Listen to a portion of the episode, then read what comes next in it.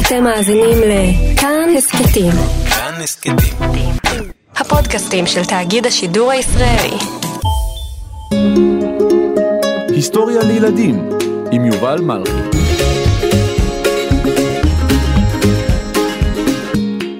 שרה אהרונסון.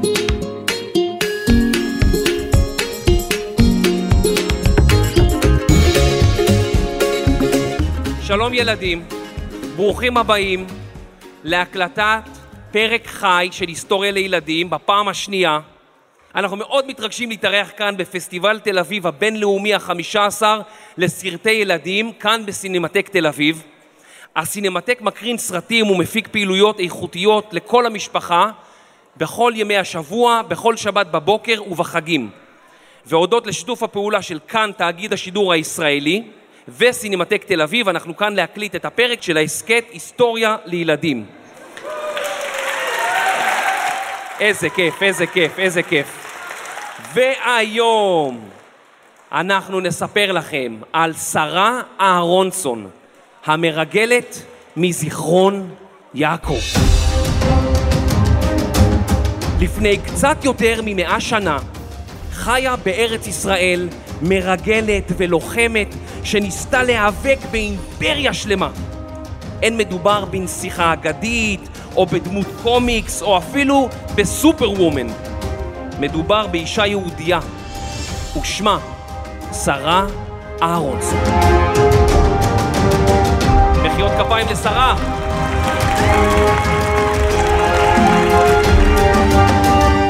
שרה נולדה בשנת 1890 בזיכרון יעקב, לפני 130 שנה בערך. זיכרון יעקב שוכנת היום בין נתניה לחיפה, ובימים ההם היא הייתה מושבה קטנה, התגוררו בה מעט מאוד תושבים וכולם הכירו אחד את השני.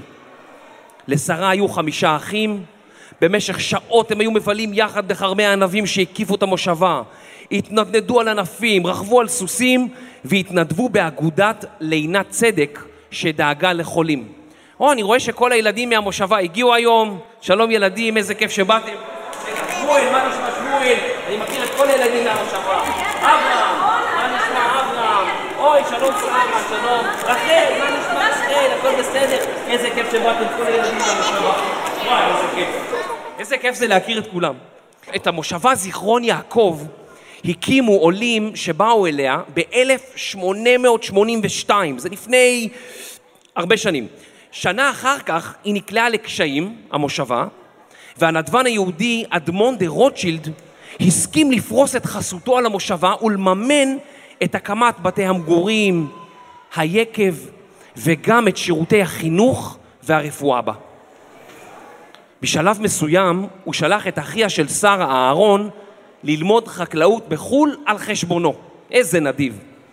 אהרון הפך למומחה גדול בצמחים ובחקלאות, חזר ארצה, הוא היה מבוגר משרה ב-14 שנים. שרה למדה בבית הספר של המושבה עם אחותה הקטנה רבקה. הן היו תלמידות שקדניות ואהבו מאוד שיעורי תנ"ך והיסטוריה. איזה נחמדות.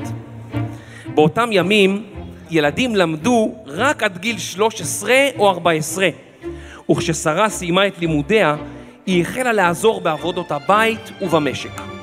אך היא המשיכה ללמוד להנאתה עם אחיה אהרון ואחותה רבקה. שרה אהבה שפות. היא למדה אנגלית, Hello, my name is Sarah. יידיש, my name is Sarah. טורקית, מרחבה, בני מרים שרה. וואי וואי וואי. צרפתית! בונז'ור, ז'מפל שרה. אני לא מאמין.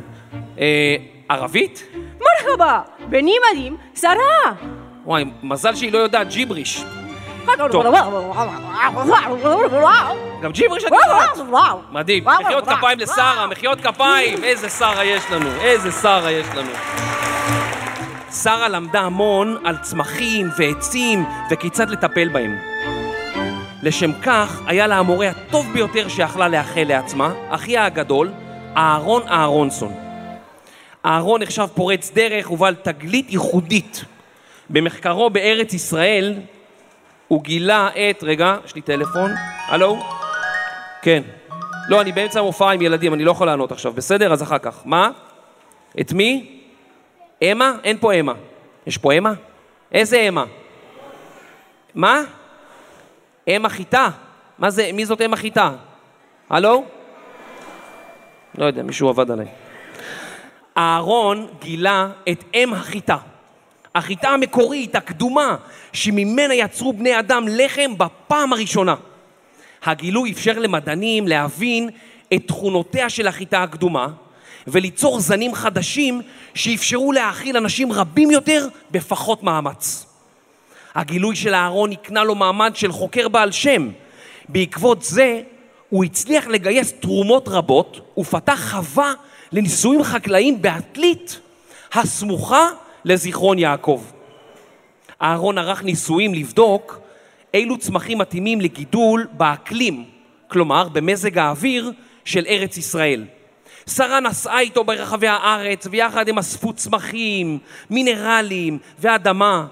היא עזרה לו למיין את מיני הצמחים שאספו וערכה איתו ניסיונות, כלומר ניסויים בחווה החקלאית. שרה ואחותה רבקה גם גילו שלא לכל הצמחים יש שמות בעברית. לכן כתבו מכתב לאליעזר בן יהודה, מחיי השפה העברית, שבעונה השלישית יש לנו עליו פרק מיוחד, וביקשו ממנו עזרה במציאת שמות עבריים חדשים לכל צמח. לאחי אהרון היו לא רק צמחים אלא גם חברים רבים. אחד מהם היה אבשלום פיינברג. שלום אבשלום! שלום לאבשלום, תגידו שלום לאבשלום, שלום אבשלום! אבשלום ושרה הפכו לחברים טובים. הם דיברו במשך שעות על ספרים, ניתחו פרקי תנ"ך ודיברו על היסטוריה. הם אהבו מאוד לכתוב זה לזה. כששרה הייתה בת 22 הלכה לעולמה אמה, מלכה. שרה הריצה אותה. אמה אהבה מאוד את זיכרון יעקב ונהגה לומר, גם אם נכרסם אבנים, מכאן לא נזוז. זו הייתה תקופה עצובה מאוד לבני משפחת אהרונסון, וכמובן לשרה. שנה אחת קודם לכן הלך לעולמו אביו של אבשלום, והשניים ניחמו זה את זו וזו את זה. הם התכתבו, שלחו ספרי קריאה זה לזה, ואבשלום אף כתב לה מילים חמות. אני רק מתגעגע מאוד מאוד אלייך, ודואג באופן הכי מבהיל, יען שאני יודע שאינך אוהבת אותי די בשביל לזכור שצריכה לשמור על עצמך, אם לא למענך, למעני, לא, לא הבנתי כלום. אבשלום, אתה יכול רגע אולי להסביר לנו אה, מה כתבת? שרה, מה המצב? אני מתגעגע, כותב לך מכתב. חושב שאותי את לא אוהבת, על מה כל היום את חושבת? שרה, שרתי, הורסת את נשמתי. אוקיי, עכשיו זה הרבה יותר ברור. אה, מחר, חביבתי, יום הולדתך. אלף ברכות ונשיקות לך ליום הזה. אני בלי ספק שמח שנולדת, הייתי רוצה שמעתה ואילך תהיי יותר מאושרת, או תרצי לכל הפחות להיות מאושרת. מה, מה זה אומר במילים של היום? לא, לא יבינו את זה.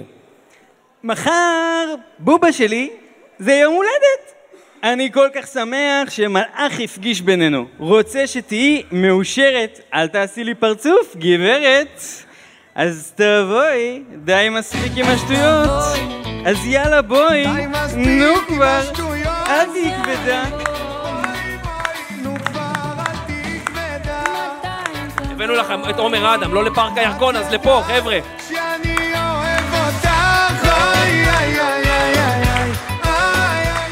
אבל המציאות הייתה דרמטית. במסגרת החברות הזאת שרה התאהבה באבשלום, אבל אבשלום התאהב דווקא באחותה הקטנה רבקה.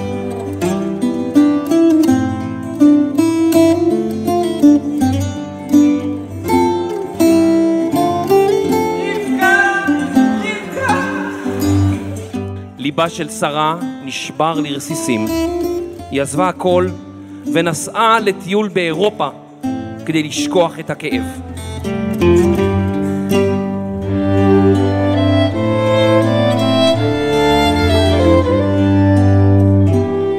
שרה חזרה לארץ בכוחות מחודשים. שלום! שלום שרה! היא אמרה לעצמה, אני אישה עצמאית. אני... אני אישה חזקה. אני אישה חזקה. אני רוצה למצוא גבר שיאהב אותי. אני רוצה למצוא גבר שיאהב אותי. אני רוצה לתת ליובל שוקולד. אני רוצה ל... כמעט הצלחתי. כמעט הצלחנו. הייתי נותן לכם גם, הייתי מכבד אתכם. כעבור זמן מה, שרה פגשה בחיים אברהם, יהודי ממוצא בולגרי שביקש את ידה. שרה נהנתה לו, אך לחיים אברהם היה תנאי, שהיא תעבור לגור איתו בטורקיה. שם הוא ניהל את עסקיו. שוב יצאה שרה לחוץ לארץ, והפעם לטורקיה. ביי, שרה. שרה קיוותה שהיא תהיה מאושרת לצד בעלה החדש, שהיה מבוגר ממנה בלא מעט שנים. שרה רצתה להביא ילדים לעולם, אבל בעלה טען כי בזמן מלחמה אין מביאים לעולם ילדים. שרה הפכה עצובה יותר מיום ליום. בכל בוקר היא התעוררה לצד בעלה החדש, שתתה קפה טורקי, הסתובבה בשווקים של איסטנבול, והבינה שיותר מכל היא רוצה... הביתה. היית קרוב. היא גם רצתה ילדים, אבל היא רצתה עכשיו הביתה. החיים בטורקיה היו קשים לה, וגם בעלה הטרי היה אדם מבוגר ממנה בהרבה, והוא עסק בעסקיו במשך רוב שעות היום. היא השתעממה וחשה חסרת משמעות. היא החליטה לחזור הביתה לזיכרון יעקב. שרה נפרדה מחיים אברהם ועלתה לרכבת, עמוסת חיילים, כינים ופשפשים. אז uh, אני רוצה שתעזרו לי רגע עם אפקט של רכבת. אתם יודעים לעשות אפקט של רכבת? וחלק מכם מאחורה תעשו טו טו אוקיי, אז כל מי שקדימה, תעשו לי וכשאני מרים את היד, אז אנשים שעושים טו טו עושים טו טו. מוכנים? ו...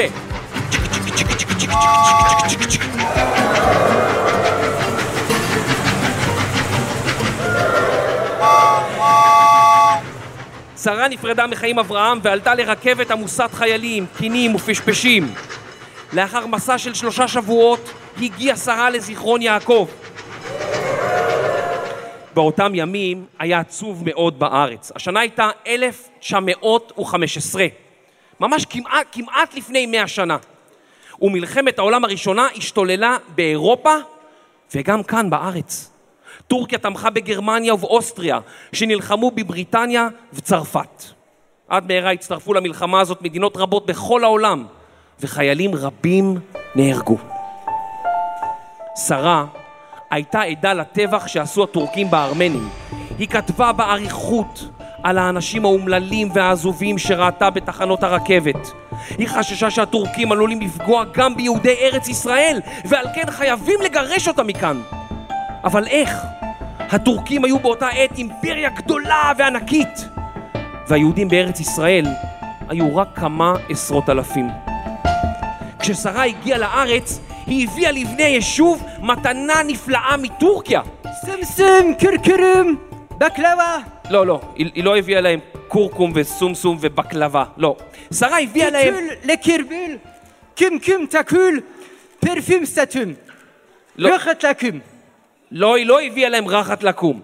שרה הביאה לבני המושבה... ברזים לכיורים.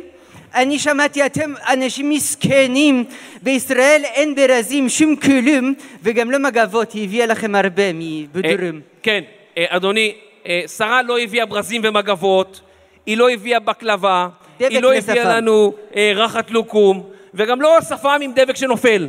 היא הביאה משהו יותר חשוב, היא הביאה חדשות. לפני מאה שנה, ובמיוחד בתקופה של מלחמה, היה קשה להעביר ידיעות ממדינה למדינה. שרה שחייתה בטורקיה ידעה כמה קשה מצבה של האימפריה הטורקית. שרה חלמה שהטורקים יפסידו במלחמה, ושאולי בעקבות זה יקום בארץ ישראל סוף כל סוף שלטון חזק, יציב ומתקדם של בריטניה. באותן השנים לא היו מספיק יהודים בארץ כדי להקים כאן מדינה של ממש. הדבר הטוב וההגיוני ביותר שיכול היה לקרות היה שלטון בריטי, נקי כפיים וטוב ליהודים, במקום השלטון המושחת של הטורקים. תגיד עוד פעם, מושחת של טורקים. לא, לא, לא, לא רציתי, סליחה. שרה האמינה שהבריטים יאפשרו ליהודים להקים כאן אוטונומיה, שלטון עצמי קטן, שיאפשר ליהודים נוספים להתיישב בארץ. שרה כינסה את החברים ואת קרובי המשפחה וסיפרה להם שבקרוב הטורקים יצטרכו לסגת מארץ ישראל כי הם עומדים להפסיד במלחמה. אחיה אהרון וידידה אבשלום לקחו אותה הצידה וסיפרו לה סוד גדול. שרה, לפני חצי שנה הקמנו ארגון שיעזור לבריטים, אסור שאיש ידע על כך. ששש. שרה הצטרפה לרשת הריגול והפכה לפעילה מרכזית בארגון. שמו של הארגון היה נילי. נילי, ראשי תיבות, רגע, זה רשום לי פה איפשהו. נילי, לא, לא רשמתי. נילי, נצח ישראל לא יזמר. לא. נצח ישראל לא יאכל ג'חנון. לא. נצח ישראל לא ייזהר, יתקצר, יתחבר, ימהר, יעקר, יפגר, יתכמת. כן, זהו. נצח ישראל לא יתכמת. אז אה, למה אתם צוחקים? לא ישקר! הם צודקים, הם צודקים. נצח ישראל לא ישקר. הלקוח מספר שמואל. שרה הפכה להיות סוכנת של המרגלים. עכשיו, מה הבעיה? כולכם עכשיו תזכרו את נצח ישראל לא יתכמת. המורה תשאל בכיתה, מה זה נילי? נצח ישראל לא יתכמת! אה, ישקר. כאילו, אז תזכרו שזה נצח ישראל לא ישקר. שרה הפכה להיות סוכנת של המרגלים. היא תיאמה את פעילותם של עשרות הסוכנים שהיו חברים בנילי, אבל גם פענחה צפנים של הטורקים. קראה מפות מסווגות וחומר מודיעיני שנאסף בקפידה. את המידע שהגיע אליה היא הצפינה ושלחה למודיעין הבריטי בקהיר בעזרת ספינת המלחמה הבריטית מנאגם, שהפליגה בין מצרים לחוף עתלית והעבירה בחשאי אנשים, כסף וציוד. שרה גם למדה לירות ברובה והייתה צלפית מצטיינת. שרה עקבה אחר הטורקים והעבירה ידיעות לאנגלית. זיינב, זיינב אנה, שולה צ'ינגיז, טורנה, אתם תזיזו, תגולגולו תותחים לחיפה. תזיזו שלושים תותחים לחיפה! אויה ארזה פילין, סוסים לפרזול בהול. הם הולכים להכין את הסוסים! פארוק סוריה, אסמה פיקרד, אדם, מורד. עברית זה לא קשקוש. אתם הולכים ללמוד קובות שורוק דוקדוק. הם הולכים ללמוד עברית? טורקים רוצים ללמוד עברית כדי לרגל אחר היישוב כנראה. מה, מה אתה מחפש? מה אתה מחפש? לא ראיתי בעיתון, הולך להיות חמסין אה, חמסין. כן. חשבתי שחיפשת מישהו. תשאל את הילדים אפילו. ילדים, ראיתם פה מישהי? או... ששש, תגלו לו! ראיתם מישהי פה? תג- תגידו לו, אין פה אף אחד! מה? מה? אין פה אף אחד! אתה יכול לחזור לנוח. תלך... או, שמעתי שיש עכשיו קפה, מחלקים קפה. מחלקים קפה. אם אתם זוכרים, אהרון הקים חוות נישואים בעתלית. חברי מחתרת נילי פעלו גם מבית משפחת אהרונסון בן זיכרון יעקב וגם מהתחנה של אהרון בעתלית. אלה היו מקומות תמימים למדי ומשפחתיים שהסתירו בהם נשק במקומות מיוחדים ונסתרים שנקראו סליקים. שרה לא הייתה האישה היחידה בנילי. בשנת 1916 צורפה למחתרת נילי טובה גלברג. מישהו שמע את השם הזה אי פעם? טובה גלברג? או, חלק שמעו, חלק שמעו. שימו לב. טובה גלברג הייתה חברתה הטובה של שרה. היא אספה מידע על תנועת הרכבות והמטוסים בארץ, ועקבה אחרי חיילים טורקים וגרמנים למען הבריטים. לרוב, שרה וטובה נסעו יחד לדמשק במשימות ריגול, אך באחת הפעמים נאלצה טובה לצאת לדמשק לבדה במשימה דחופה. כדי לשמור על עצמה בזמן הנסיעה ברכבת הצפופה והעמוסה בחיילים טורקים, היא התלבשה כרקדנית ערבייה, ענדה צמידים רבים על ידיה, ובמהלך הנסיעה לא הוציאה הגה מפיה. החיילים לא נגעו בה לרעה, כי חשבו שהיא בוודאי זמרת או שחקנית מפורסמת שנוסעת לבדר את הקצינים הטורקים בדמשק, והם חששו לפגוע בה. בתום המשימה שבה טובה גלברג ועימה תיק שהכיל מסמכים סודיים רבים שנועדו לבריטים. בשנת 1917 היה מצבה של מחתרת נילי קשה. אהרון עזב את ארץ ישראל למצרים, שנשלטה אז בידי הבריטים, וניסה לסייע למאמץ המלחמתי. את אחותה הצעירה של שרה, רבקה, שלחה המשפחה לארצות הברית כדי להרחיק אותה מהסכנה. אבשלום פיינברג ניסה להגיע למצרים גם הוא, כדי להעביר לבריטים מידע, אך בדרך לשם נהרג כנראה בידי שודדי דרכים במדבר סיני. ליבה של שרה נשבר, היא ביקשה להביא את אבשלום לקבורה, אבל אף אחד לא ידע היכן הוא קבור. שרה העצובה נשארה לבדה והמשיכה לנהל את רשת הריגול עם חבר המחתרת יוסף לישנסקי. למרות הכאב הגדול, המשיכה שרה להעביר מידע חיוני וחשוב לבריטים. היא הסתובבה בשטח האימפריה העות'מאנית, רשמה כל מיני פרטים שנחשפה אליהם, והעבירה לבריטים ידיעות חשובות, תוך סיכון חייה שלה וחייהם של חבריה למחתרת.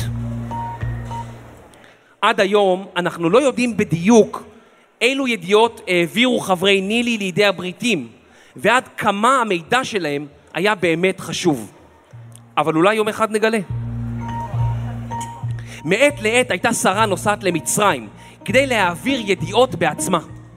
אחי אהרון יעץ לה להישאר בשטח הבריטי, מחוץ להישג ידם של הטורקים, אך היא שבה לזיכרון יעקב כדי להמשיך בפעילותה. חברי נילי לא היו מרגלים מקצועיים. בזמן שהם ריגלו אחרי הטורקים והגרמנים, הם לא שמרו על כללי ביטחון שדה. ורבים ידעו על רשת הריגול הפועלת בזיכרון יעקב. חברי נילי העבירו ידיעות למצרים באמצעות אונייה בריטית שהייתה מגיעה לחופי הארץ רק פעם אחת בחודש, וזה היה מעט. הם החליטו שכשיהיו להם ידיעות דחופות להעביר, הם ישתמשו ביוני דואר. אתמול הייתי בדואר ואמרתי למוכרת, אה, סליחה, אני יכול יונה? שמעתי שיש יוני דואר. אז הסתכלה עליי כאילו אני משוגע, ואז הבנתי שאין היום יוני דואר לקנות בדואר, זה משהו שהיה מאוד מזמן. אז אני רוצה להסביר לכם רגע מה זה יוני דואר. יוני דואר הן יונים הבוקעות בשובח, וכאשר הן גדלות, אפשר לשחררן והן חוזרות בדיוק לאותו השובח שבו בקעו. בתקופה ההיא, לפני מאה שנה, אנשים נהגו לכתוב הודעות קצרות וחיברו את ההודעות האלה לרגלי היונים. אז היו משחררים אותן, וכך היו מעבירים הודעות אחד לשני. תחשבו על זה, אני וחבר שלי רוצים להיפגש. הוא לוקח יונה מהשובח שלי, ואני לוקח יונה מהשובח שלו. וכשאני מוכן להיפגש, אני משחרר את היונה שלו, ומצרף לה פתק. לאחר כמה ימים, היא תגיע לשובח שלו, והוא יוכל לקרוא את מה שכתבתי לו. בדיוק אותו העיקרון של וואטסאפ, רק זה לוקח הרבה יותר זמן, אי אפשר להעביר סרטונים, וגם וואטסאפ, איי, לא עושה עליך צרכים. בסוף שנת 1917 הגיע אחת היונים ששלחה שרה מתחנת הניסיונות בעתלית, בטעות, לידי הטורקים. הם גילו כי לרגל היונה מחובר פתק מוצפן והבינו כי פועלת בארץ רשת ריגול. הידיעות על רשת הריגול פרסו כנפיים, חברי נילי חששו מאוד לגורלם, אך שרה אמרה, אפשר מאוד שזו טעות, ואפשר שנאחר את המועד לברוח, אבל אנו נסכן את חיינו עד הרגע האחרון. כמה ימים לאחר מכן הגיעה האונייה מנגם אל מול חופי עתלית כדי להבריח מהארץ את חברי נילי, אך שרה ויוסף לישנסקי החליטו שלא להתפנות ולהמשיך בעבודתם. שרה חזרה לזיכרון יעקב והחלה להשמיד את כל הראיות והחפצים שקשרו אותה לרשת הריגול.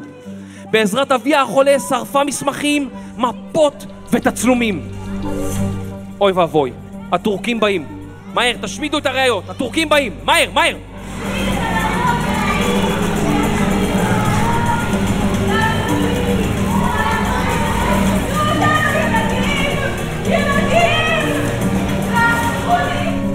מה זה פה כל הבילגין? לא יודע מה הם קוראים, הם אה, קראו איזה משהו שלא מצא חן בעיניהם, אין פה, אין פה כלום.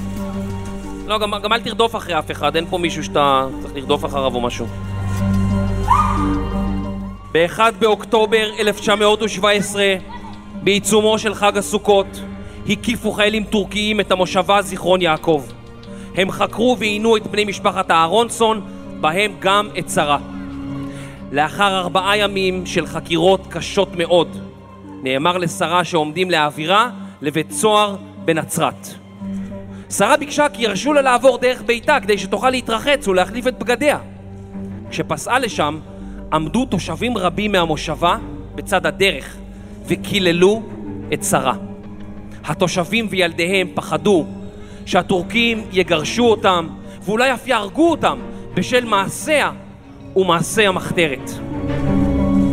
כששרה הגיעה לבית ילדותה, היא נכנסה אל חדר האמבטיה, הוציאה אקדח שהיה מוסתר בסליק, במחבוא. שרה ירתה בעצמה. היא ביקשה למנוע מעצמה עינויים נוספים, וגם לא רצתה להסגיר את שמותיהם של שאר החברים במחתרת. כעבור כמה ימים היא מתה מפצעיה, בת 27 במותה.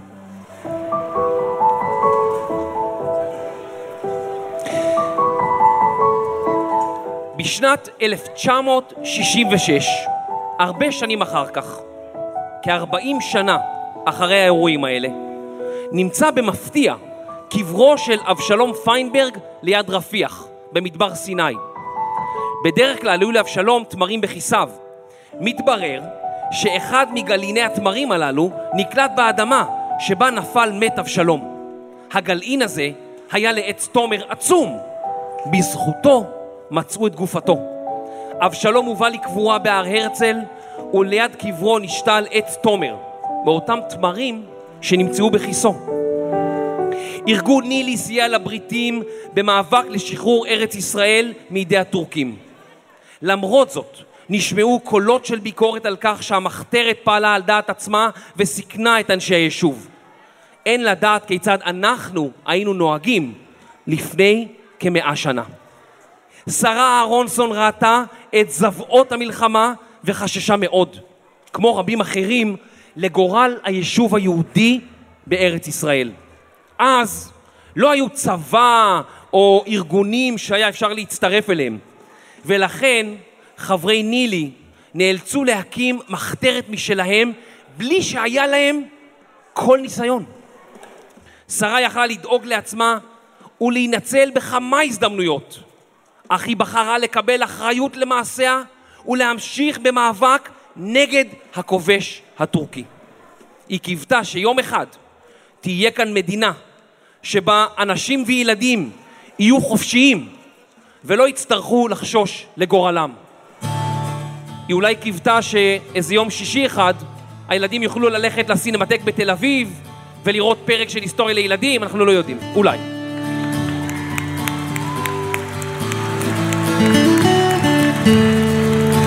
מקסימים. עד היום אפשר לבקר בבית שרה אהרונסון בזיכרון יעקב, לראות היכן כל הסיפור התרחש, ואפילו לחפש בעצמכם את הסליק שבו שרה הסתירה את אקדחה. אז היום כבר אין לנו רשת ריגול, אבל יש לנו רשת אחרת שנמצאת אצל כל אחד כאן בבית, וזאת רשת האינטרנט. ואם פעם היינו צריכים להיות זהירים עם רשת ריגול, היום אנחנו צריכים להיות זהירים גם עם רשת האינטרנט שיש לנו בבית. אתם צריכים ללמוד כמה חוקים לעבוד עם הרשת הזאת בשביל שהיא לא תהיה מסוכנת, כמו למשל לא למסור פרטים אישיים, לא לשלוח תמונות לאנשים שאתם לא מכירים, לא לתת את הסיסמאות שלכם לאף אחד חוץ מההורים, לא להוריד שום דבר מהאינטרנט בלי להתייעץ עם אדם מבוגר, ואם מישהו שולח לכם הודעה לא נעימה, או פוגענית, או הודעה שמעליבה אתכם, תמיד תלכו לדבר עם מורה, הורה, מבוגר, ואם אין לכם מי לדבר, תבואו לדבר איתי, בסדר? מבטיחים? מבטיחים? יפה מאוד. אתם תמיד, תמיד, תמיד מוזמנים לשלוח לנו תגובות בדואר האלקטרוני, להיכנס לאפליקציות הפודקאסטים, ל iTunes, ל Google Store, לתת לנו ציון להיסטוריה לילדים, לכתוב כמה מילים, זה מאוד מאוד מאוד עוזר לנו. ואם אין לכם סוללה, תשלחו לנו איזה יונת דואר, בסדר? אני רוצה להודות לכל הילדים וההורים שהגיעו לכאן היום. אני רוצה להודות לסינמטק שנתן לנו את כל המקום הזה. מה? היום יש דברים, נכון. אני רוצה להודות לסינמטק תל אביב, לכאן תרבות ואייל שינדלר, לדוקטור סמדר כהן האחת והיחידה, שאני חושב שלא הגיע לכאן היום או שמתחבאת איפשהו, לשיר ויצמן שהפיקה את המופע, לתומר שלוש, למור די חנני שגם כתב את הפרק הזה, לאסף רפפורט שעושה את כל הסאונד וליווה אותנו כאן עם הסאונד המדהים הזה, אין כמוך אסף. לרחלי וסרמן, לרני שחר, לליאור אברבך, להורים שלכם שהביאו אתכם עד כאן. אני יובל מלכי, היסטוריה! וואי וואי וואי.